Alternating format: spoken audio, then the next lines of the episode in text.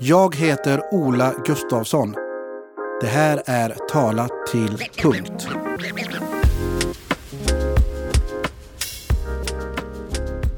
Idag har jag med mig ingen mindre än Lars-Olof Lampers.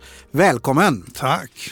Eh, vi går direkt på dig och eh, du föddes 1959 Ja, på. Vänersborgs eh, lasarett. Mm. Men du bodde i Mellerud. Ja, vi bodde i Mellerud eh, och ja, mina föräldrar hade flyttat dit eh, i mitten på 50-talet och jag hade en syster som föddes där också. Så vi har växt upp där i utkanten av stan i ett litet villaområde. Hur var det att växa upp i Dalsland? Alltså, i, i, i, överhuvudtaget, att till att börja med växa upp i Mellerud vad, eh, alltså, det är där man ska växa upp om man är barn. Alltså, upp till en viss ålder kan jag föreställa mig. Jag, jag bodde ju där tills jag var tio år. Då var det perfekt. Lugnt ute på gatan, man kunde spela brännboll, inga bilar direkt. Spännande när det hände någonting och det var inte så ofta kanske då. Så att, eh, det, det, det är en bra plats att växa upp på helt enkelt. Ja, vi ska också nämna det att undertecknad här, eh, jag själv då är ju Eh, uppvuxen två mil från Mellerud i Brålanda, ett litet ställe i Dalsland. Så det är ju ändå två personer från Dalsland som sitter här idag, så kanske lite unikt i, i den här världen. Men du flyttade sen eh, efter eh, några år i Mellerud där. Ja, när jag var tio år flyttade vi till Bengtsfors. Alltså det är ju bara fem mil, men för mig var det ju, det var ju en hel värld. Alltså det var en annan värld kan man ju säga på sätt och vis. Eh, och det berodde ju, anledningen till att vi flyttade var ju som det ofta var då, liksom att eh, min pappa fick ett annat jobb och sådär. Och gymnasiet var ju också i Dalsland då i Åmål, Det var ju Åmål, ja precis. den största var- staden där.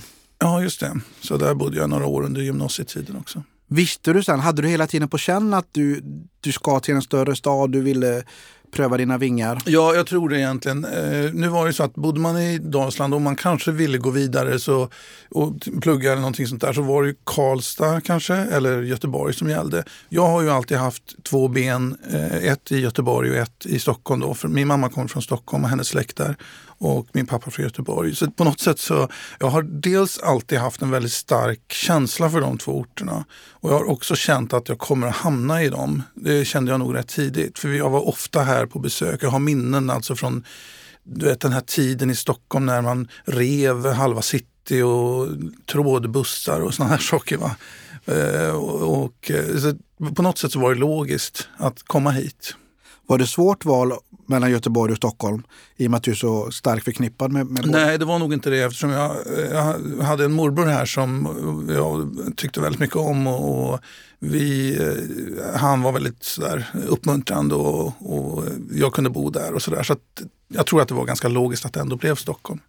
Och sen fick du jobb ganska snabbt då på Expressen. Och på den tiden var det väldigt stort då och så kan jag tänka mig komma uppvuxen från Mellerud och få jobb på Expressen. Det, det, det var en stor sak på den Ja, tiden. just det. Och det var inget journalistiskt jobb egentligen utan jag hade ju bara turen och, och, och i stort sett, det var ju så man gjorde på den tiden. Man steg upp och frågade har ni något jobb och sådär.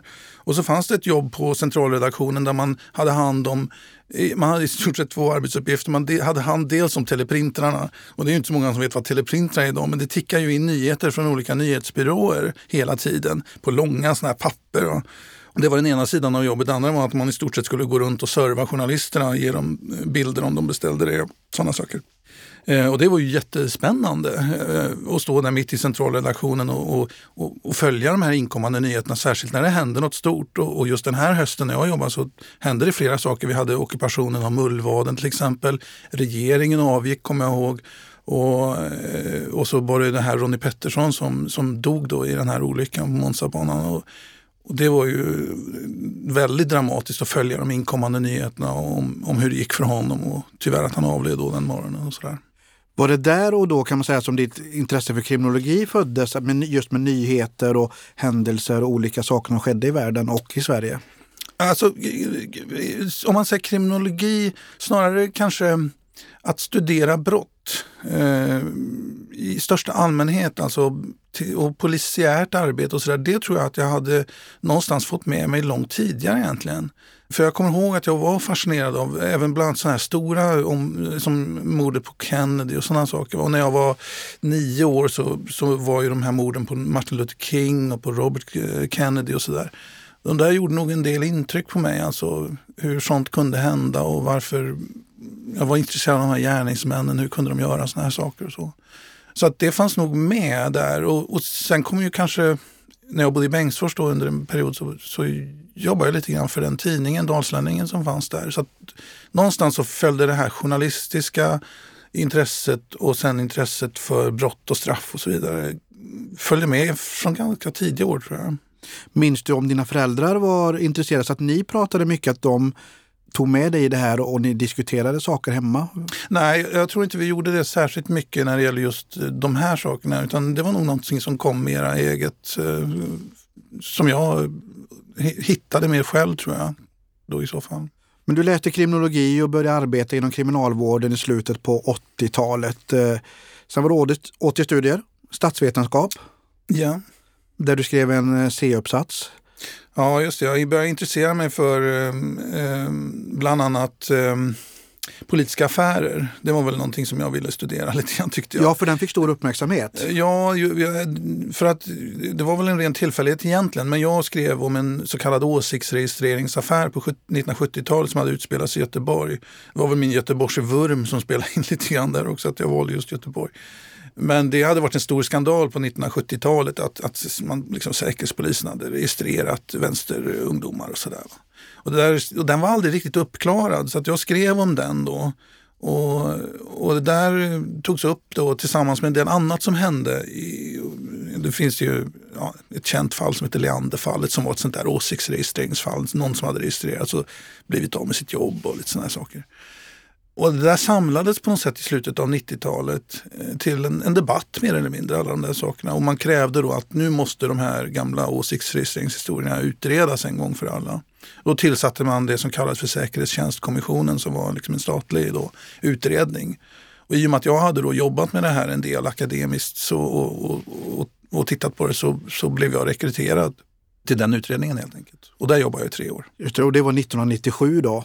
Ja, eh, den här uppsatsen, uppsatsen gjorde jag 97 och sen så jobbar jag från, från 99 och några år framåt i den här utredningen. Precis, för där utreder du Säpo bland annat och mm. IB. Vad, vad, står IB för? IB, ja, ingen vet riktigt vad det står för. En del säger att det står för informationsbyrån, andra för att det står för inhämtning, Birger efter chefen och sådär. Men det, det är alltså en militär sorts motsvarighet kan man säga till Säkerhetspolisen. Med mycket hemligt där man eh, samlar in uppgifter och bedriver en sorts agentverksamhet. Och, och, och den var väldigt kontroversiell då på 70-talet för att eh, som, som mycket som var hemligt var. Liksom det, det, skulle ju granskas då naturligtvis. Vad höll de på med egentligen? Och registrerade de, gjorde de politiska eh, registreringar och sådana saker.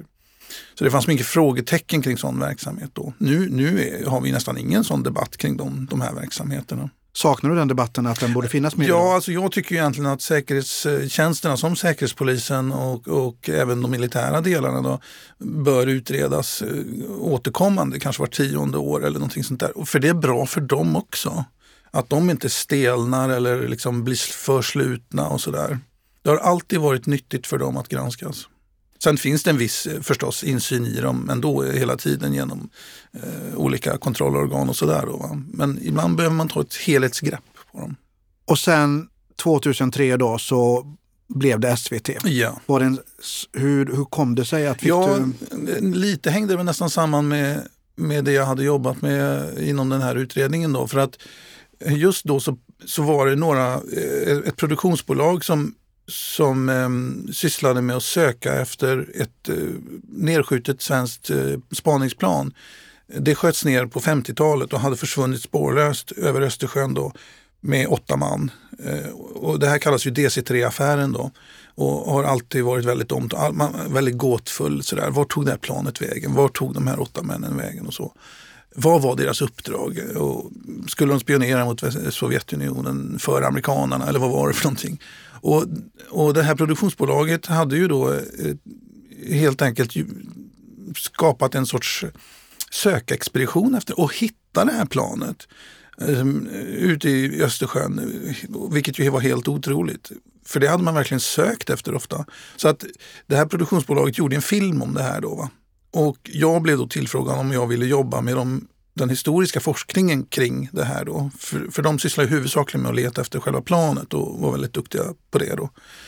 Eh, men jag jobbar ju mer med, och det, det var ju, ledde ju då till att eh, vi gjorde då en dokumentär som hette DC3 sista resa som visades 2004 kanske. Någonting sånt. Lever det kvar hos dig i det fallet eftersom det var det så pass, ja, start alltså, på din karriär på, här på tv? Ja, det, det, jag tittar väl lite grann efter det. Ibland, nu, har ju, nu pratas det inte, det, det är på något sätt ett sorts uppklarat fall då och eh, det här planet finns, eller vraket finns ju utställt då på ett försvarsmuseum. Men det lever i mitt eh, minne någonstans. Eh, och jag, jag tror väl att just kalla kriget och vad som hände då har fascinerat mig. Jag är ju uppväxt i den tiden alltså, som nu liksom plötsligt har blivit då återuppväckt igen. Det kunde man inte tro eh, med det som händer nu. Nej. Men, men, men det, här, det här har typiskt liksom, sådana händelser som inträffade under kalla kriget. Flygplan som försvann eller sköts ner eller, och, och Kubakrisen och sådana saker. Det är något gåtfullt över det när det, när det händer sådana saker. Och ja. Sen, eh, du har aldrig varit fast anställd på SVT? Nej, det har jag inte varit. Det var väl inte så, när man kom in där 2003 så var det inte så vanligt att man erbjöds fast anställning utan det var kontrakt som löpte från, från halvår till halvår eller någonting sånt där. Men jag har å andra sidan aldrig velat vara fast anställd. Jag har velat vara fri och kunna jobba med andra projekt också kanske och skriva böcker och sådana saker. Precis, det var ju min nästa fråga och där fick vi svar på den. Att mm. du har inte, det, har, det har funkat bra för dig att vara fått olika projektjobb och tillsvidareanställningar. Ja, och jag har haft turen att få jobba med ganska många roliga projekt på SVT. Eh, släktforskningsprogram, den här serien som till exempel hette Vem tror du att du är? Där man släktforskar kring en känd person och sådär. Eh, och sen Veckans brott förstås. Och, såna. och sen att göra en del dokumentärer. Hur stort var det för dig när, när eh, dubbelmordet i Linköping då löstes på ett kontroversiellt sätt. Ja, det var väldigt stort och det jag kommer ihåg den morgonen då. För jag, det här var ju precis då när, när eh, Palmeutredningen skulle egentligen ha sin eh, slutredovisning. Då. Det var ju i det, det svepet. Så att jag tror att någon, den, den morgonen så satt jag i tv-studion för att diskutera liksom, olika Palmespår och sånt där. Och plötsligt så kom den här nyheten att det verkar som att man hade klarat upp dubbelmordet. Och vi hade ju, det, det här var ju ett av de eh, morden som vi hade tagit upp allra mest i Veckans brott och som, som Leif GW Persson också var allra mest, kanske utöver Palmemordet och några till, då, var han ju väldigt engagerad i. Och hade åkt dit många gånger, jag hade ju också. Och sådär, så att, eh, det var ju väldigt stort och, och, och överraskande. Alltså, det kom ju plötsligt sådär bara. Fick du någon förhands... Eh, hade du lite insyn att det var på gång? Eh, ja, alltså, vi hade ju fått något år tidigare, eller halvår tidigare var det väl, som eh, Linköpingspolisen sa att de nu hade börjat med den här formen av släktforskning, släktforskning har vi pratat om det förresten, eh, som, som alltså kunde möjligen bidra till en lösning här och att man då hade kunnat smalna in lite grann. Eh, men det var fortfarande en väldigt stor grupp då. Så att som vi brukar uttrycka det i sådana här sammanhang så, så hade man möjligen hittat höstacken. Nu gällde det då att hitta nålen liksom i den. Då. Eh, så att det lät ungefär som att det kunde vara på gång men lät, samtidigt var det så här, det är nästan för bra för att vara sant, alltså att det där dubbelmordet skulle kunna lösas. Och sen var det väl så, om jag inte har eh, blivit helt felunderrättad, att han som ledde utredningen tidigare bodde i om det var i samma hus eller om det var något hus bredvid som eh, han som utförde mordet. Så de, de bodde väldigt nära varandra.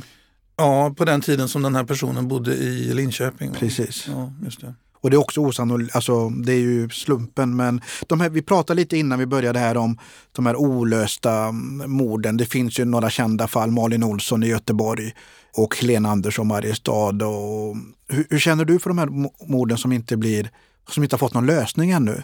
Tror att det, vi, Kommer det att bli en lösning? ja, alltså, eh, Linköpingsfallet och några till skapar ju ändå förhoppningar. Det är möjligt. Det går faktiskt att lösa uh, fall som ligger upp till ja, upp mot 20 år tillbaka och så där i tiden. Och inte minst kanske den här släktforskningsmöjligheten som har uppstått då.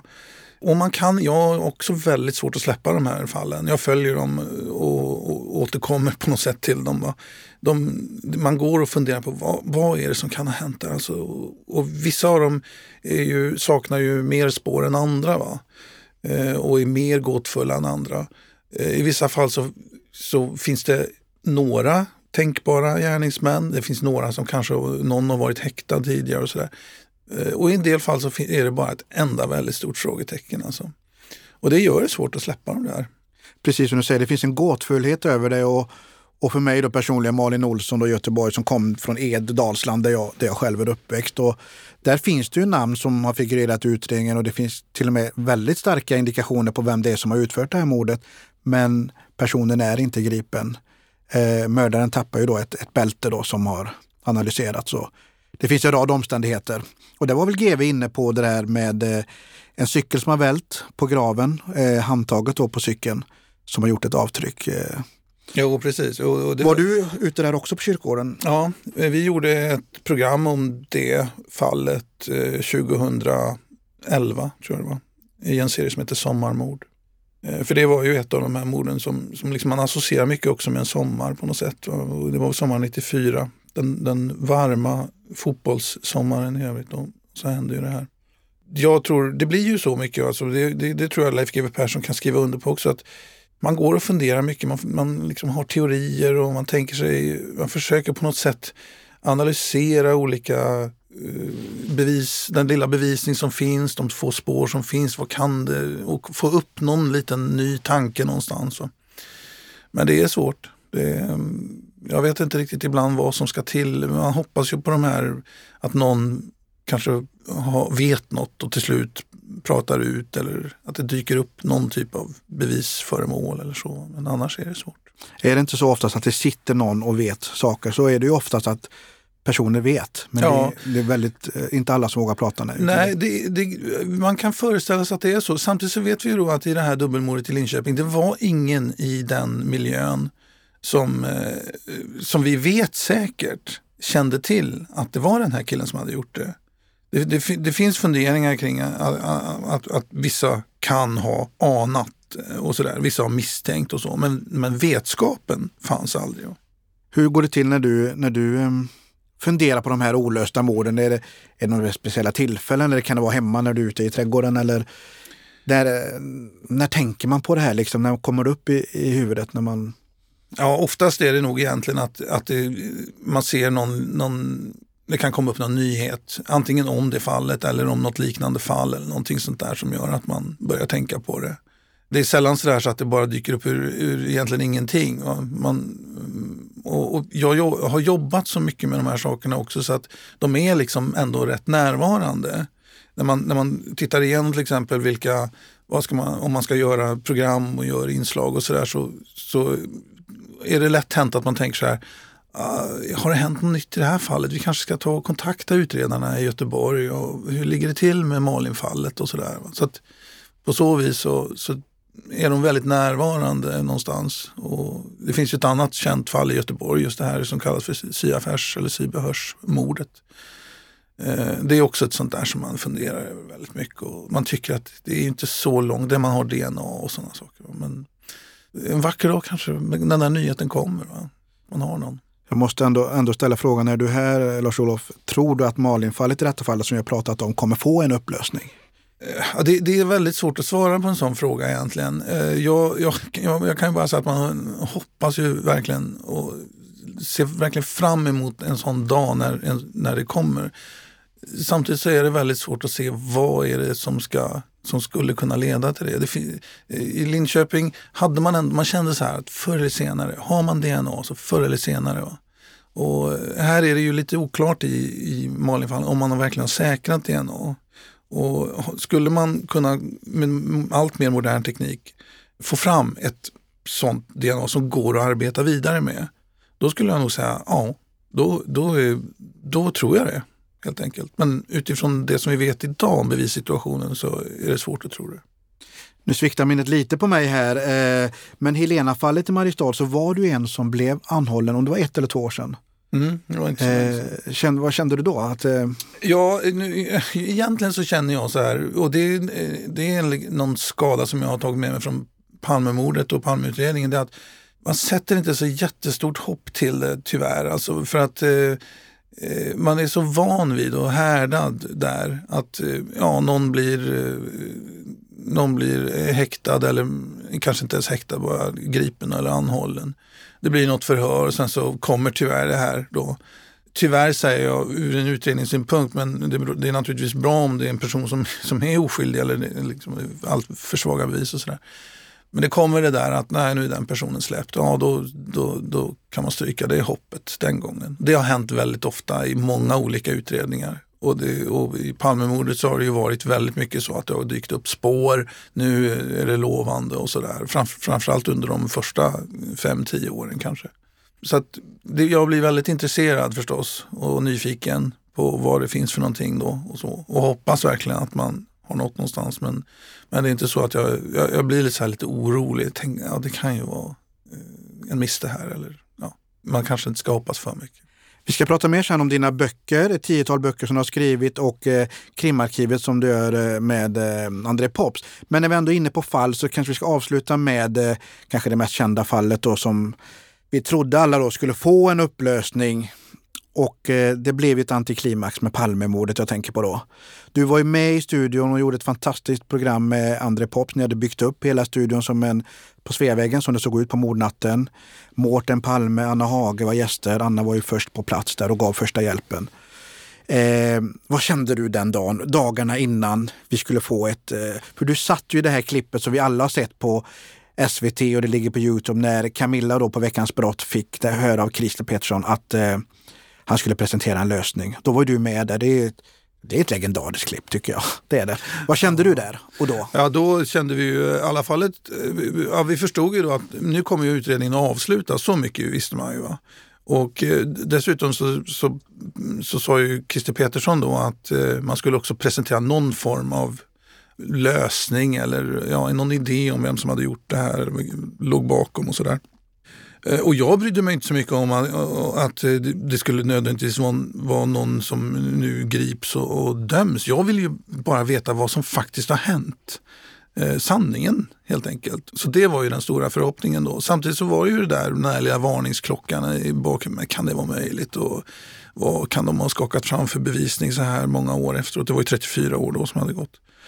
Eh, så att ja, man var lite orolig och sådär att eh, det det kanske går, är lite för, för mycket lovat här nu. Va? Och, så. Och, och vi funderade mycket över om det kunde vara att man hade hittat vapen och sådär. Jag, jag ska säga att när vi hade gjort den där intervjun så det vi gjorde då det var ju att vi, vi var ju medvetna om att det har alltid funnits, eller alltid, men ofta har det funnits spänningar mellan åklagaren och Palmeutredarna, poliserna som utreder. Och vi undrar nu, har han verkligen Palmeutredarna bakom sig när han går ut och säger något sånt där? Så att vi åkte till polishuset och gjorde en, eh, flera intervjuer. Vi träffade flera där och gjorde en intervju med eh, chefen för, för utredningen där.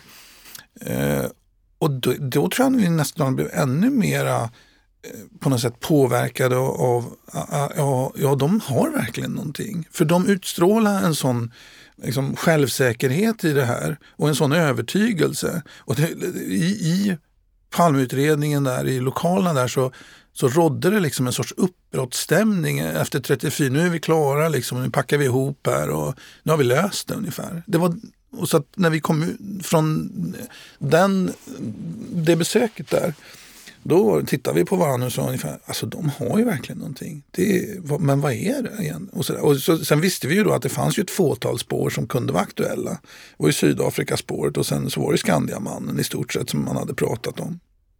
Så att det var väl där, för vi trodde liksom inte riktigt att de hade fiskat upp något helt nytt här. Va? Eh, och så. Nej, för han var ju väldigt eh, självsäker. När vi, vi har ju också klippet många gånger. Han, han såg ju verkligen, han gav ju sken då, om vi säger så, att vi har lösningen. Mm. Vi fick alla förhoppning, även vi som inte är lika insatta som vad du är. Och eh, vad tänkte du själv när du kom hem den kvällen efter den dagen? Det var en omtumlande dag ändå att det är många som har sökt svaret på den här eh, mord, eh, mordet på Olof ja. Palme. Vad kände du när du kom hem där och, och gjort de här intervjuerna? Ja, nej, jag, alltså det, jag, ja, det var väl det, det, det, man kände sig, alltså det ordet som du använde, omtumlad helt enkelt. Och, och väldigt mycket frågor i huvudet då, och, och, en sorts oro för att, att det här ändå inte skulle, att det skulle vara ännu en i raden av besvikelser. Så, så kände man ju, så riktigt övertygad. Och sen så, det kunde man inte vara, men, men sen så insåg vi ju att ja, det här kommer ju diskuteras nu under några dagar, vad det här kan betyda, eller några veckor och så. Och det gjorde ju vi även i Veckans brott. Och, eh, och sen så var det lite oklart då när egentligen det här skulle presenteras, men eh, man hade ju sagt då att det skulle vara senast första juli tror jag. Så att på SVT så börjar vi ju planera för någon typ av, av sorts avslutningsprogram då. Någon, någon, någon, någon avrundning för de här 34 åren. Då. Ja, ni hade fyra program om jag inte minns fel, eh, där ni räknade ner, ni gick igenom Palmemordet. Ja, tre program, Tre program, gjorde, gjorde vi då som, eh, där vi gick igenom vad som hade hänt egentligen under de här 34 åren. Kände ni på, när ni spelade in de här programmen att det är någonting stort på gång? Ja, alltså stort i den bemärkelsen att det var, det var ändå något, något, ett avslut på gång. Och det var ju stort i sig. Va? Att nu ska den här utredningen läggas ner och det ska presenteras någonting då. Men, men om det verkligen skulle vara en lösning som kunde övertyga alla, det var vi ju mera osäkra på då. Vad det fanns för bevis och sådär. Och sen då kom den, den stora dagen. Sov, sov du som vanligt natten innan det var dags för Det tror jag, jag tror faktiskt att jag gjorde. Jag har inget annat minne av att jag låg och liksom vred mig sådär. Nej, åt du något speciellt? Sov du? Nej, jag, jag, vet att vi skulle ju sitta i studion, i, i nyhetsstudion där eh, och kommentera det då. Eh, Johanna Björkman som, som är kollega från Veckans Brott då, och jurist och jag. Och, eh, så det var ju väldigt laddat då när vi satt där och väntade på att de skulle dra igång det här och så. Men sen när de väl gjorde det så, så sjönk ju temperaturen kan man ju lugnt säga. Och, och man kände att ja, nej, det blev inte det vi hade hoppats på riktigt. Vad kände du själv då? Det, Skandiamannen kom ju upp ganska tidigt där då på den presskonferensen. Hade du fått någon förhands att du visst kände till det? eller? Ja, jag hade fått det. Jag hade, jag hade först, fått så jag förstod att, för det viktigaste jag hade förstått det var att det inte var Sydafrikaspåret. Och, och med uteslutningen då så, så fanns det ju egentligen bara Skandiamannen kvar då. Så det, det var jag ju helt inställd på. Och då var ju frågan vad finns det för bevisning? Och då kände vi ju till att det, att det möjligen fanns ett vapenspår kring Skandiamannen. Och att det kanske var det som man hade knäckt det här på. Men sen visade sig ju att det spåret inte hade hållit riktigt. Man hade inte kunnat knyta det här vapnet eh, till mordet och man hade i och för sig inte kunnat utesluta det heller. Skandiamannen då som heter Stig Engström. Vad, vad tänkte du det här? Det har ju varit en liten eh, delat eh, folket lite att man ska ange någon då som inte kan försvara sig och som inte ens lever idag. Eh, vad känner du kring det? Nej, jag, är ju, jag är ju helt emot, alltså, nu var ju, nu var ju Skandiamannen utpekad med namn i, tidigare i böcker. Och så. Jag, det har jag inte så stort problem med egentligen. Jag hade ett mycket större problem med att myndigheterna gick ut och liksom mer eller mindre slog fast att det, man ansåg att det var han som hade gjort det här. Och att han helt saknade någon form av juridisk representation då. Det, det tog vi upp redan den dagen och jag kände att man måste ge honom en röst här på något sätt. Och, och det var, jag, jag tog nästan på mig det som en, en roll. Liksom då, va? För att, eh, vi hade ju planerat att göra någon form av, av dokumentär kring det här då. Och det var, det var det det blev för min del, en, en sorts granskning då av de här påståendena. Och eh, jag eh, samlade på så mycket material i den processen så att det ledde också till en bok då. Där jag försökte summera upp då och, och se, går det att hitta andra förklaringar till de här påståendena som, som Palmeåklagaren har lagt fram. Precis så som man egentligen bör göra tycker jag. Man måste granska en, en, ett sånt här historiskt utpekande som det ändå handlar om. Jag ska tillägga för tittarna som inte ser, vi har en charkbricka här framför oss med lite skinka och salami och ost. Eh, Varsågoda och ta för dig. Så vi Tackar, sitter här och mumsar lite när vi pratar om det här. Och det här skulle jag kunna prata om i ett par timmar, men så lång är inte den här podden. Men vad tror du själv om, eh, om eh, Skandiamannen Stig Engström? Alltså när, när det där kom då, så jag hade verkligen ingenting emot, jag, för mig spelar inte någon roll vem eller vilka som låg bakom det här. Det spelar ingen roll om det var en ensam galning som man säger, eller om det var en konspiration. Jag ville bara veta sanningen, hur, det- hur det faktiskt låg till. Så jag, har- jag har inget i och för sig emot om det skulle vara Stig Engström exempelvis. Eh, Men jag menar ju bara att eh, det här var inte övertygande på något sätt. Jag vill ju ha någonting som övertygar mig, som gör att jag känner att okej, nu vet jag, nu förstår jag vad det är som har hänt här och varför. För jag, man har åkt förbi det här gathörnet så många gånger och man tänker på det och man läser om det och du vet allting sånt där. Så att, eh, och då har man ju rätt höga krav ändå för att verkligen bli övertygad. Det är ett statsministermord och sådär. Men eh, jag kände ju inte alls att det var i närheten av det. Och då har det här blivit en, återigen bara en öppen fråga för mig egentligen. Ett stort frågetecken. Vi pratade lite om gåtfulla mord och sådana saker innan. Och det här Sveavägen är ju en gåtfull plats. Det kan jag känna även vilken tid man än går förbi. Och man passerar ju det, vi som bor i Stockholm, eh, då och då, titt som tätt. Och det är alltid så att jag själv känner också att man stannar till. Jag kan bara inte gå förbi den platsen som om ingenting har hänt. Så man tittar på den här plattan och man sneglar upp mot trapporna där. Känner du att det är något gåtfullt över det? Eller har, du, har det gått så många år att du har släppt det? Nej, jag, jag känner, vi har varit där så mycket och spelat in och sådär. Och, och, den platsen har tappat lite av sin, den sortens laddning eh, som man kan känna när man första gången kanske kommer till en sån här historisk plats. Men jag tänker på det ibland när jag åker förbi där eller går förbi så ser jag andra människor stå där. Jag, ser, jag kan nästan se att nu kommer de att stanna upp här och de kommer att titta inåt gränden, de kommer att peka upp mot trapporna och de kommer att liksom fundera över ungefär vem är det som har gjort det här. Va? Hur, och kanske diskutera lite grann om vilka tänkbara ja, gärningsmän det kan ha funnits och sådär. Samtidigt så kan jag säga också att jag ser ibland personer som släntrar förbi utan att göra det där också naturligtvis. Va? Och det tycker jag också är lite konstigt nästan. Så här, hur, hur kan man, den, den, den är också en vanlig, det är en vanlig trottoar också. Liksom. Det är en vanlig öppen plats. Sådär. Man får absolut inte trampa på den här minnesplattan som, som är där. Det, det, skulle inte jag kunna göra i alla fall. Men ja, det finns ju mycket att säga om, men det blev ju inget riktigt avslutande om vi ska avsluta det här med Palmordet det blev ju väldigt många frågor som blev obesvarade och det blev ett slags antiklimax för hela svenska folket, inklusive oss alla här också. Vad kände, vad kände du? Ja, nej, men det var ju så. Jag kände antiklimax, besvikelse. Eh, också en viss, jag ska inte säga att jag var arg eller så, men irritation över att eh, eh man på de här, som jag tyckte då vaga grunderna ändå pekade ut en person som, som med all säkerhet eller troligen eller ja, hur man nu vill uttrycka det, ansvarig för mordet. Det tyckte jag verkligen inte var schysst. Nej, och eh, det kommer ju för alltid vara en, en öppet, kanske ett öppet sår på något sätt ändå. Och det har stötts och blötts och, och det finns fortfarande ingen riktig lösning på det. Nej. Vi slutar, eller vi avslutar med angående Palmemordet där. Och eh, då tänker jag, intresserad av dina böcker. Du har skrivit ett tiotal böcker. När, mm. när började du med det? När kände du att du ska skriva en bok? Alltså den första skrev jag egentligen redan i samband med med den här eh, utredningen som gjordes då, Säkerhetstjänstkommissionen. Det var en, en bok om IB, om, om liksom den militära säkerhetstjänsten kan man säga och dess historia. och så. Ehm, och sen så, så, skrev jag inte så mycket mer, men sen i, ja, någon gång för en tio år sedan så började jag skriva böcker tillsammans med, med Thomas Bodström, advokat. Och då var tanken att skriva just om särskilda fall och hur de, eh, från det att de inträffar i princip, hur utredningen går till och hur själva rättsprocessen ser ut. Och Thomas Bodström skulle då dels ha den rollen att han förklarade lite grann kring rättsprocessen men också hur en, hur en advokat exempelvis tänker och, och, och um, planerar uh, upplägget av ett försvar och sådana saker. Så att eh, vi skrev tre böcker då på olika teman eh, om olika fall. Eh, och, och, eh, Bland annat trippelmordet i trippelmordet Uddevalla. i Uddevalla, ja precis. Och Bod, Bodenfallet som ett styckmord.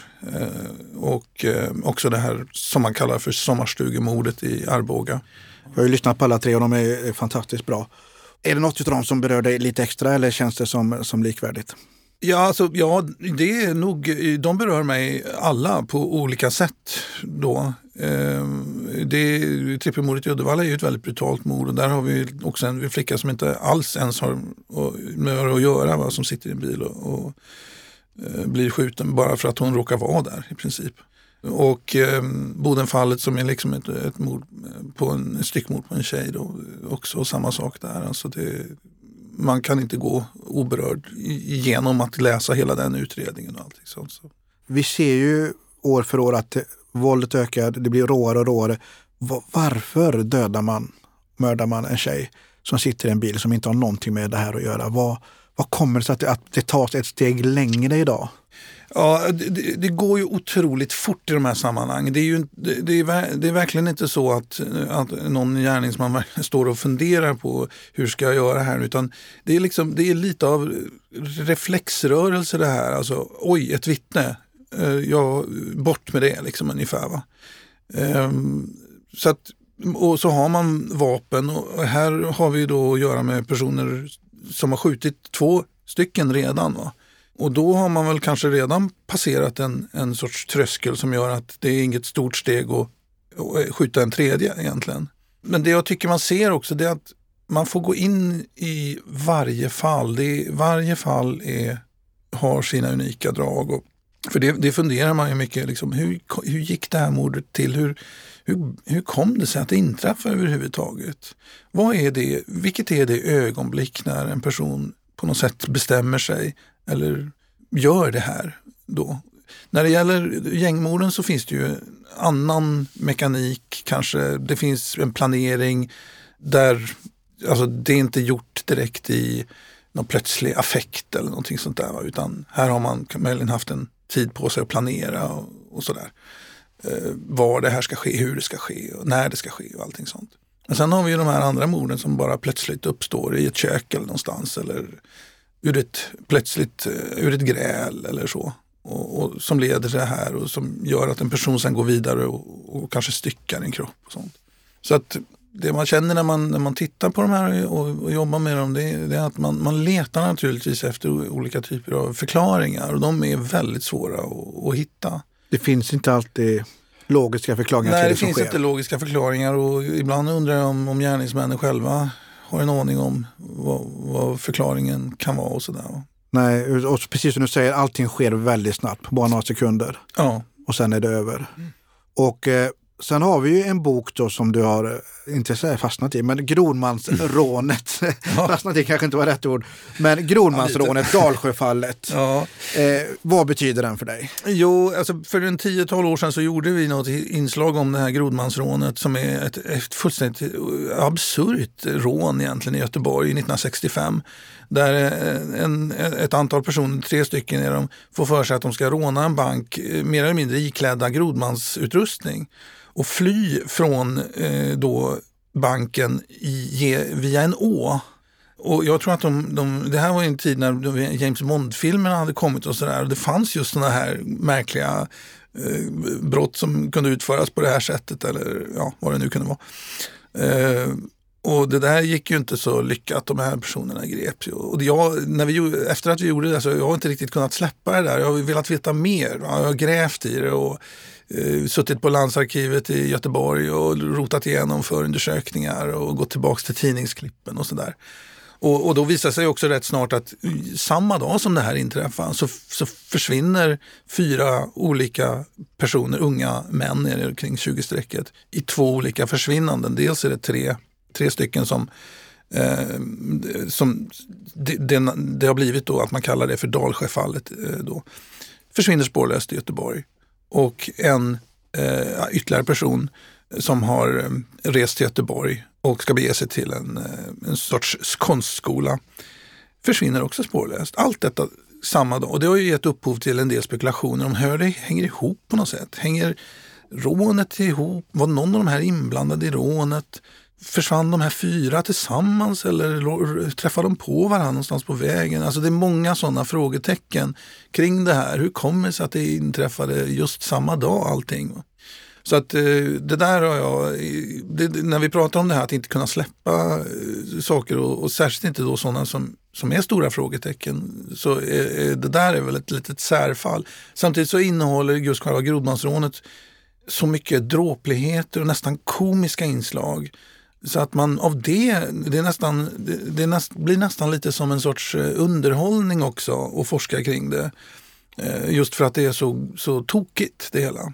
Sen innehåller det förstås eh, tragiska bitar i det hela då. Och brottsoffer och allting sånt. För, för det pratas ofta om spektakulära rån. Vi tänker Västberga, rånet med helikoptern. Och det här kan man ju absolut säga att det är ett spektakulärt rån. Ja, och det, var, det är ju drömmen om ett spektakulärt ja. rån. Alltså de, de ville väl verkligen gå till historien som eh, begå ett rån där, där de fullständigt går upp i rök på något sätt. Va? Eh, på ett sätt som skulle få polisen att bara undra vad sjutton är det som har hänt? Vart tog de vägen? Och då blir ju de verkligen eh, istället ertappade i sina grodmansutrustningar och istället så är det fyra andra personer. De kan man verkligen undra vart de tog vägen. istället. Ja, det, det, och det skedde 1965 också. Det är ju ja. det, det är många år sedan. Och det fanns ändå en... Eh, du säger att det är några komiska inslag i det här rånet. Vad tänker du då på speciellt? som... Ja, det finns ju en klassisk bild tagen av en pressfotograf där. För att den här, en av de här rånarna råkar ju skjuta sig själv i benet eh, under rånet. Hur det, det, var, det var möjligt lite, också. Ja, precis. Det var lite klantigt då. Så att, det gick ju inte så bra då att iförd grodmansdräkt eh, försöka ta sig ner till den här ån och sen på med grod, så här simfötter då. Och, så han greps ju där i vassen. Och man, man ser på de här bilderna hur han släpas då i den här grodmansutrustningen mellan två konstaplar på en banvall är det också där vid, vid Gamlestaden. Och det ser väldigt, alltså, man kan ju tänka sig att det här är bland det värsta man som rånare kan råka ut för. Ja, förnedringen blir inte mycket större än så. Nej, det, det, blir en uh, ultimata förnedringen. Ja. Och det, det förstår, har du, vad tänkte du när du började med boken? Äh, då tänkte jag väl att dels vill jag förstå vad som hade hänt då i, i det här rånet och varför de gjorde det här, vilka de var och vad som hände sen och sådär. Och, och, allt det där har jag förstått och beskriver då i boken. Sen var det ju de här andra fallen då, försvinnandena samma dag. Eh, att, att kanske försöka förstå lite mer om vad som kan ha hänt här. För det är verkligen så, ibland så är det ju människor går verkligen upp i rök. Det är ett klassiskt uttryck men, men försvinner spårlöst. Och till skillnad då från sådana brott som kanske ett, ett rån, där, det, vi har alltså en brottsplats. Vi vet att här har någonting hänt, här går det att leta efter spår. När vi har ett försvinnande så har vi egentligen ingenting alls. Vi, vi, vi kan möjligen hitta en, här sågs de senast i den här korsningen. Men det finns liksom aldrig någonting där det finns liksom inga blod att leta efter väldigt, liksom, eller något, sällan det finns kringkastade saker och sånt där. Alltså det finns ett intet. Alltså det är det som gör försvinnanden så otroligt komplicerade. Ja, och det finns ju ett fall till som vi bara kort ska nämna. Det är Katrin da Costa. Mm. Eh, som, länge, som, som har berört många och varit ett av de mest så kallade kända fallen. Vad tänker du kring det mordet? Vad har du för teori och tankar kring det? Ja, vi eh, ägnar oss ju en hel del åt det där i Veckans brott och ja. Leif GW Persson var ju särskilt också väldigt intresserad. Han har ju mer eller mindre jobbat med det också själv då. Och den där, det där engagemanget smittar väl av sig på hela redaktionen. Så vi, vi alla blev ju intresserade av det där förstås. Och det, det man kände där det är ju att eh, Eh, det, det, fanns så otroligt många dimensioner på det här. Det, nu greps ju personer där va, som dömdes för, för själva styckningen och sånt rätt tidigt och sen friades. Och, ja, det, det var eh, det var på något sätt eh, kändes det som en sorts parallell till Palmemordet lite grann. Var, man, man på något sätt växte upp med två rätt så omtalade mord som båda var lika gåtfulla någonstans. Alltså, och svårutredda och det begicks misstag och sådär. Så att på lite grann på något sätt så har de där följt varandra för mig också, de där två händelserna. Och jag bara tyckte att, eh, precis som i Palmemordet, att man har hela tiden haft det här, vad är det som har hänt här? Vem är det som har gjort det här? Alltså? Vad tror du själv? Det, vi, vi pratade lite tidigare om det här också. Vad tänker du kring vem som har utfört det? Jag tycker det är väldigt svårt, alltså, men, men eh, med tanke då på att eh, da Costa var, var, en person som rörde sig ja, i, inom prostitutionen helt enkelt. Så ser jag ju liksom att det är där någonstans. Eh, det är inte ovanligt alltså att någon, någon kund får ju något, något spel eller, eller, eller dödar då prostituerade. Och sen blir det en fråga om att göra sig av med den här kroppen. Alltså. För oftast är det väl så Lars-Olof att lösningen finns kanske ibland också närmare vad man tror. Ja. Vi, vi pratar ju också mycket om det, liksom, att, mm. eh, kan det vara så att man tittar för, för brett? Jag vet inte riktigt. Jag tror ju liksom att man, ja, om man gör det ordentligt, va, så tittar man ju ändå på kretsen kring den här personen. Även familj, släkt, bekanta och sådär, om det kan finnas någonting där. Eh, men sen när man har en sån krets som den som kan finnas kring en prostituerad. Då tror jag att man, en del poliser blir lite styrda av det och tänker att det, det är här vi ska leta. Och så, där. och så kanske man inte letar. Jag kan inte svara riktigt för hur det har varit i Katrin da Costa-fallet där. Men, eh, men eh, det kan nog hända och har hänt i utredningar genom åren att man har styrts till en viss miljö där, på grund av att man kanske har förutfattade meningar. Ja, det, det, det som sagt, vi skulle kunna sitta här i, i, timmar, känner jag i alla fall. Kanske inte att du har tid för att titta i flera timmar. Men, säg inte det. Säg inte det, nej. Får se hur långt den här, det här avsnittet blir. Men du har ju också skrivit en bok om mordet på Vilma som finns på Storytel. Ja. Vad var det i det mordet där Vilma från också Uddevalla där? Ja. som grep tag i dig, Vilma Andersson som mördades? Ja, till att börja med så, är det omöjligt att inte eh, bli påverkad av en eh, sån händelse, alltså där en ung tjej blir brutalt mördad och, och styckad och, och, man hittar inte då eh, kroppen med annat än väldigt, i väldigt få delar. Och man undrar ju naturligtvis hur kommer det sig att det här hände? Vad är det här för en person som har gjort det här? Och var kan man tänka sig, kan man tänka sig att, eh, resten av kroppen finns någonstans? Så det var ju en del sådana frågor som, som jag gick in med. Men jag har också på senare år lite grann börjat intressera mig mer och mer för de som begår sådana här brott och som ställs inför en ganska överväldigande bevisning men ändå inte erkänner. Alltså varför nekar de in i det sista? Varför, även när, när rättsprocessen så att säga är över och ett, en dom då har vunnit laga kraft. Och det finns liksom, de har ingenting på egentligen att förlora på att nu kunna berätta då vad som faktiskt hände. Men det är som att det är ett spel. Liksom. Eh, det är den, ett sorts maktspel föreställer jag mig, bland annat i det här fallet. då. Att eh, vara den som sitter på sanningen. Det är det enda de har att spela med. Liksom, som vi andra vill ha reda på.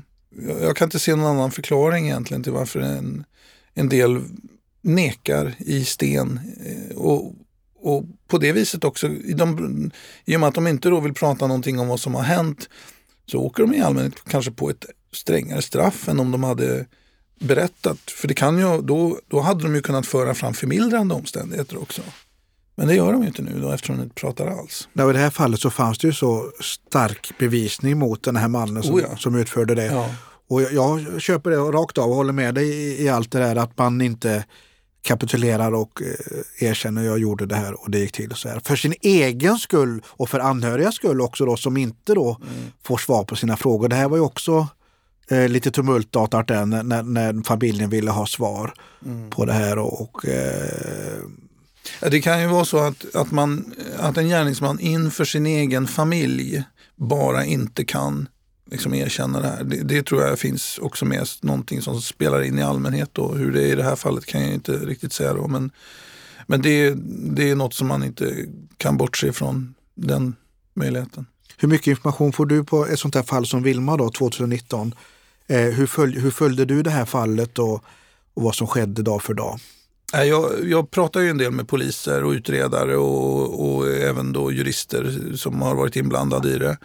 Eh, för, för mig, är det, jag vill förstå eh, kronologin mycket i ett fall. Alltså hur, hur, har det, hur hittar man den här eh, gärningsmannen eller misstänkte då?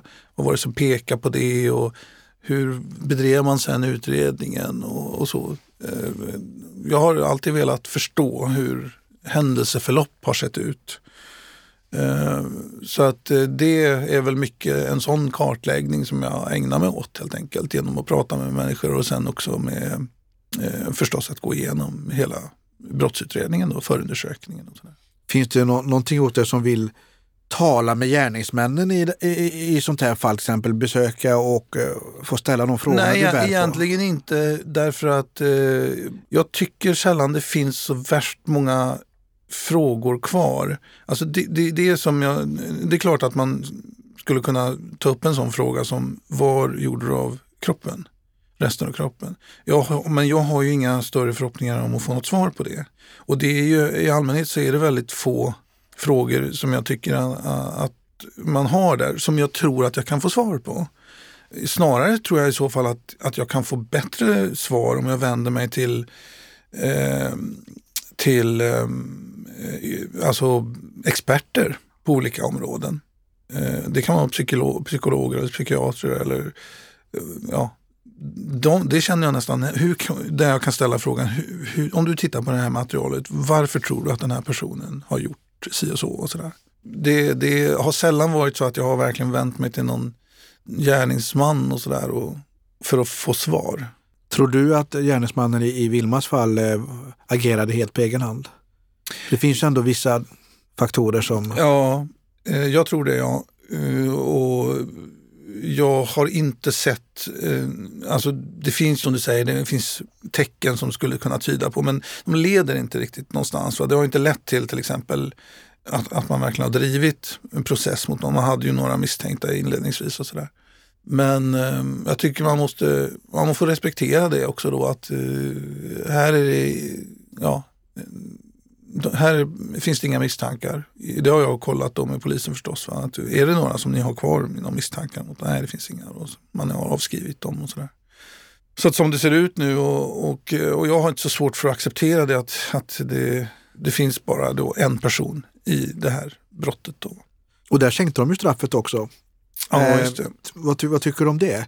Ja, jag, jag, kan, jag har lite svårt att förstå det faktiskt. Därför att man går in på ett otroligt petigt eh, någon, någon, någon, diskussion där kring vilken grad av eh, dödsskräck som eh, Vilma kan ha upplevt.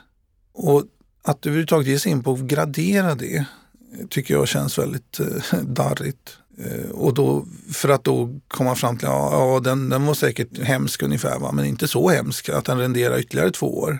Det, det känns som främmande alltså kan jag tycka. Ja, det blir ju nästan som vi ser det och som jag ser från utifrån. Att det upplevs ju nästan som hånfullt mot, mot ja. anhöriga och familj och eh, att det inte blir det hårdaste straffet på sånt här mord. Ja, precis. Som är så brutalt och eh, som du säger. Mm. Ja. Annars så brukar jag försöka undvika att ha för mycket, alltså ta ställning sådär. Jag känner ju mer att man vill veta saker, hur saker har gått till och sådär och förhålla sig lite mera lite kliniskt alltså. Det kan vara, det, det kan vara bra. Det finns, ju det finns ju tillräckligt mycket känslor alltså, kring det här eh, från så många olika håll. Då. Och ibland så vill man vara någon sorts eh, lite mera neutral röst då. Eh, även om det är jättesvårt, känner jag verkligen alltså. Eh, när man håller på med de här fallen. Men det är ändå en, en ambition jag har att försöka vara lite neutral i det här. Alltså man kan inte vara neutral inför en mördare för sig. Så, men, men att inte eh, ha en massa, ja, det är svårt att uttrycka det men ibland brukar jag jämföra det med att man är mer lite grann som en obducent. Alltså en obducent tar inte ställning till om, eh, om en person har dött av rökning och, och, och, har en massa åsikter om det. Liksom, utan konstaterar mer att eh, det så är det. det. Det är det som har hänt här ja, man vill undvika att vara moraliserande är väl kanske det jag tänker på. Ja, vi människor antar ju oftast mycket mer än vad vi mm. kanske konstaterar och mm. eh, så är det. Och Sen har du också något som har blivit väldigt populärt och det är Kriminalarkivet med André Pops. Ja, på, på Sveriges Television. Mm. Och eh, ni har gjort en säsong, ni ska göra en säsong till. Eh, hur uppstod eh, den idén? Ja, egentligen så var det så att vi då i samband med det här eh, Eh, Palmesändningen som vi pratade om tidigare så gjorde vi ju då alltså tre stycken avsnitt om Palmeutredningen. Och eh, vi tyckte väl att det där var ju rätt kul att göra och intressant att gräva i arkivet kring vissa fall. Så att eh, vi tänkte det här kan vi ju göra på fler fall. Och då eh, tog vi då eh, den här eh, ockupationen av västtyska ambassaden 1975 och, och testade lite grann på det. Vi plockar fram väldigt mycket arkivmaterial. Det finns ju ganska mycket i, i, i SVTs eget bildarkiv där. Och en del annat också. Och prata kring vad som hände här och rota fram lite, lite uppgifter här och var och så. Och eh, det är mycket som är intressant kring det tycker jag. Kring tidsandan och sättet att arbeta journalistiskt, sättet att arbeta polisiärt och sådär. Som, som skiljer sig otroligt mycket då från hur det ser ut idag. Så det där eh, har vi, kommer vi fortsätta med då. Nu gör vi då, kommer vi att göra om Norrmalmstorgsdramat 1973. Och det är ju samma saker som aktualiseras där om, om just hur man arbetade journalistiskt och, och, och hur polisen ställdes inför den här väldigt svåra gisslansituationen och hur man hanterar det och sådär. Hur många fall blir det i säsong två? Ni kommer Alltså, vi, vi, vi gör ett fall i ett princip, fall. som det är nu i alla fall. Så att eh, det, det, det, säsong två kommer att domineras enbart av Norrmalmstorgsdramat. Och hur lång, hur lång tid behöver man för att spela in en, en, en sån säsong? Ja, alltså själva inspelningen gör vi under någon vecka. Men förberedelsearbetet går ju några månader tillbaks då, där man rotar fram material och sådär. Då har ni en hel redaktion bakom er? För... Nej, vi är, vi är inte så många alls. Vi, vi är bara tre, fyra stycken som jobbar med det här. Så det är ganska gediget eh, jobb bakom? som...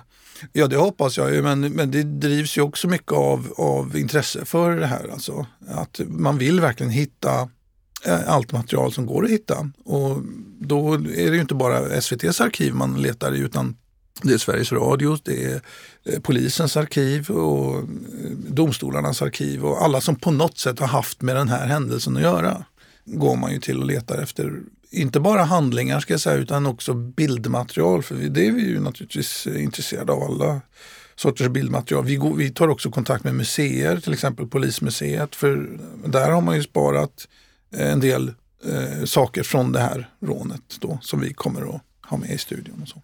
Just ja, till sist då måste jag ändå prata, många känner igen dig från tv och, och där syns det mycket och, och är ett, ett stort och bra namn. Men du har lite intressen också, musik och böcker.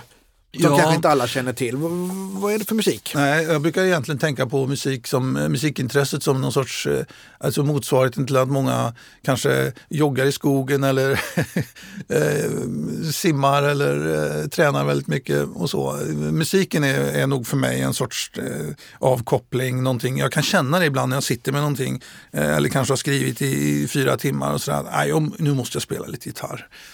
är, jag, är det gitarr som är närmast? Eller piano. Ja sådär. Eh, och, ehm, och då blir det lite sådär, det blir ett sätt att koppla av. Ungefär som någon tar en cykeltur kanske, rensa skallen lite grann, syssla med något annat, få lite rörelse i fingrarna igen och sådana här saker. Det är ju ingen rör, motionsrörelse att tala om, utan det är mer en mental grej tror jag. Och vad är det du spelar då? Ja, då kan jag bara, ja, ibland märker jag att jag kan bara sitta och spela en sorts gitarrfigur om och om igen. och nästan bara, ja, förlorar mig i det tror jag lite grann sådär. Så då är frågan, blev det något gitarrspelande innan eh, natten innan Palmelösningen kom där? Det... Det, det, kan mycket väl ha varit det. Ja. Alltså, jag kan tänka mig det, att jag satt och, och, och, och, spelade någonting som jag inte alls tänkte på vad det var. Utan hade... Fick tiden att gå lite där. ja, Men böcker också då, förstås är du såklart bokintresserad. Ja, det är ju ett problem när man, när man jobbar med sånt som man är väldigt intresserad av. Det blir ju det att eh, jag eh, läser ju mycket det som jag, är, som jag jobbar med. Eh, och jag kanske inte alltid då hittar böcker som liksom är ren avkoppling eller så. Utan mycket av det jag läser är på något sätt kopplad till det, det, är klart att nu när man jobbar med då Norrmalmstorgsdramat så läser jag ju naturligtvis mycket böcker. Och det blir ju, det, det, jag, jag, tror att någon som skulle komma hem och se mig skulle tycka så att ja, där sitter han och kopplar av och läser. Men egentligen gör jag ju research då. Och så, där. så att gränsen där mellan eh, har jag lite svårt att dra faktiskt när, jag, när det är ren nöjesläsning och när det är arbetsläsning. Det, det, det liksom sammanfaller ofta. Och det kan ju vara trevligt i och för sig. Absolut. Och, och, hur är det i köket då när, när det ska lagas middag? Flyr du? Ja, jag har ju några specialrätter. Det har du. Vad, några får vi, några som jag går runt på. Vi får gå igenom dem. Vad, vad har du som ja, paradrätt? Den, den klassiska, jag tror att den, det är någon som har gått i släkten. Det är en sorts eh, eh, kycklinggratäng. Ja, den är väldigt lätt. Och jag tror att jag, anledningen till att den, den är, har blivit en klassiker i vårt hem det är för att den var så populär bland när, eh, bland liksom barnen och, och, och, barnens kompisar och sådär. Vad är, vad är hemligheten i den? Ja, det finns nog ingen hemlighet mer än att den är lätt och innehåller liksom saker som är, som är angenäma som grädde och ris och liksom, eh, lite gratinerad ost och, och, och, grillad kyckling och såna här saker. Gratäng är, alltid, gratäng är alltid användbart. Alltså, ja. Och en lördagkväll då när du ska bjuda um, ja, på mat? Ja, eh, det, det kan ju bli så att man får gå till någon kokbok och verkligen titta då. Jag har inte några riktigt sådana som, som är på den nivån. Då att, eh, men du står gärna och lagar? Ja, nu finns det andra hemma som ägnar sig åt det med viss, viss glädje och, och stor kompetens vill jag påstå. Vilket jag kan dra nytta av då förstås. Så att jag behöver inte alltid rycka in så ofta. Då, Eh, så jag är väl kanske snarare den som äter. Ja, men det, det behövs det också. Då är vi två. Eh, men eh, när du slår på en, vad tittar du på för film? Vad är du intresserad av? Det är ett problem när man jobbar med tv kan jag uppleva att, att jag tittar inte så jättemycket på tv alltså. Det, det blir väl så att jag tittar ju naturligtvis mycket på sånt som jag arbetar med. Alltså som nu går jag igenom väldigt mycket klipp och upptagningar och nyhetssändningar från Norrmalmstorgsdramat och sådär. Men vet, när man har suttit och tittat på det där i flera timmar, eh, då är det inte så att man känner att det första man vill göra det är att gå och se på ett, an, på, på ett annat tv-program. Liksom. Någonting sånt där. Och då, kan, då är det klart, då kan då är lätt hänt att det blir gitarren istället. Va? Någonting sånt där. Vad filmar då, om? Du får välja en genre eller är det brittisk kriminalare? Eller är det... Ja, jag är ju lite... Eh, jag, jag gillar ju då eh, alltså brittiska eh, spionfilmer och sådana saker. 60-tal, 70-tal, John le Carré och lite sånt där. Så det kan det ju lätt bli. Dokumentärer är jag ju ändå väldigt förtjust i. Eh, och så så det, det, blir ju naturligtvis en sån. Sen, sen, sen, kan jag faktiskt klämma en och annan ligamatch i engelska fotbollen också. Precis, det var det jag tänkte avsluta med. Hur har vi det med sportintresset? Är det fotboll som är är före någon annan sport? Engelska, du pratar om ja, engelska ligamatcher. Fotboll är det ju förstås eh, och det har varit eh, sedan urminnes tider. Sen eh, Tipsextra? Ja precis. Jag, jag tyckte det var helt fantastiskt när Tipsextra kom. Jag tror inte det var sant att man kunde se hela matcher. Alltså. Nej, det var ju alltid 0-0 och en Leråker och, och Wolverhampton som, som, ja, som Leeds. Ja. De här gamla klassiska lagen. Var, var, Men lag? det var fotboll, det var det. tv. Liksom. Det var, även om det var säkert inte så bra kvalitet på alla matcher match. Nej, där är jag också uppvuxen. Och vad, vad, vilket lag håller du på? Alltså jag, jag har väl inte haft någon, jag har tittat mycket på Manchester United för att det har varit svenska spelare i dem som jag har tyckt om att följa och sådär. Men jag har nog inte riktigt, jag är inte den där fantasten som jag, jag gillar att titta på bra fotbollsmatcher helt enkelt. Så jag följer Liverpool och Manchester City och Chelsea ibland och lite sånt där. Så det finns ändå ett, ett gediget fotbollsintresse. Har du spelat själv? Jag spelade i, under de här åren då, i Mellerud och Bengtsfors eh, framförallt. Sen blev det väl inte så mycket annat än ja, korpvarianter.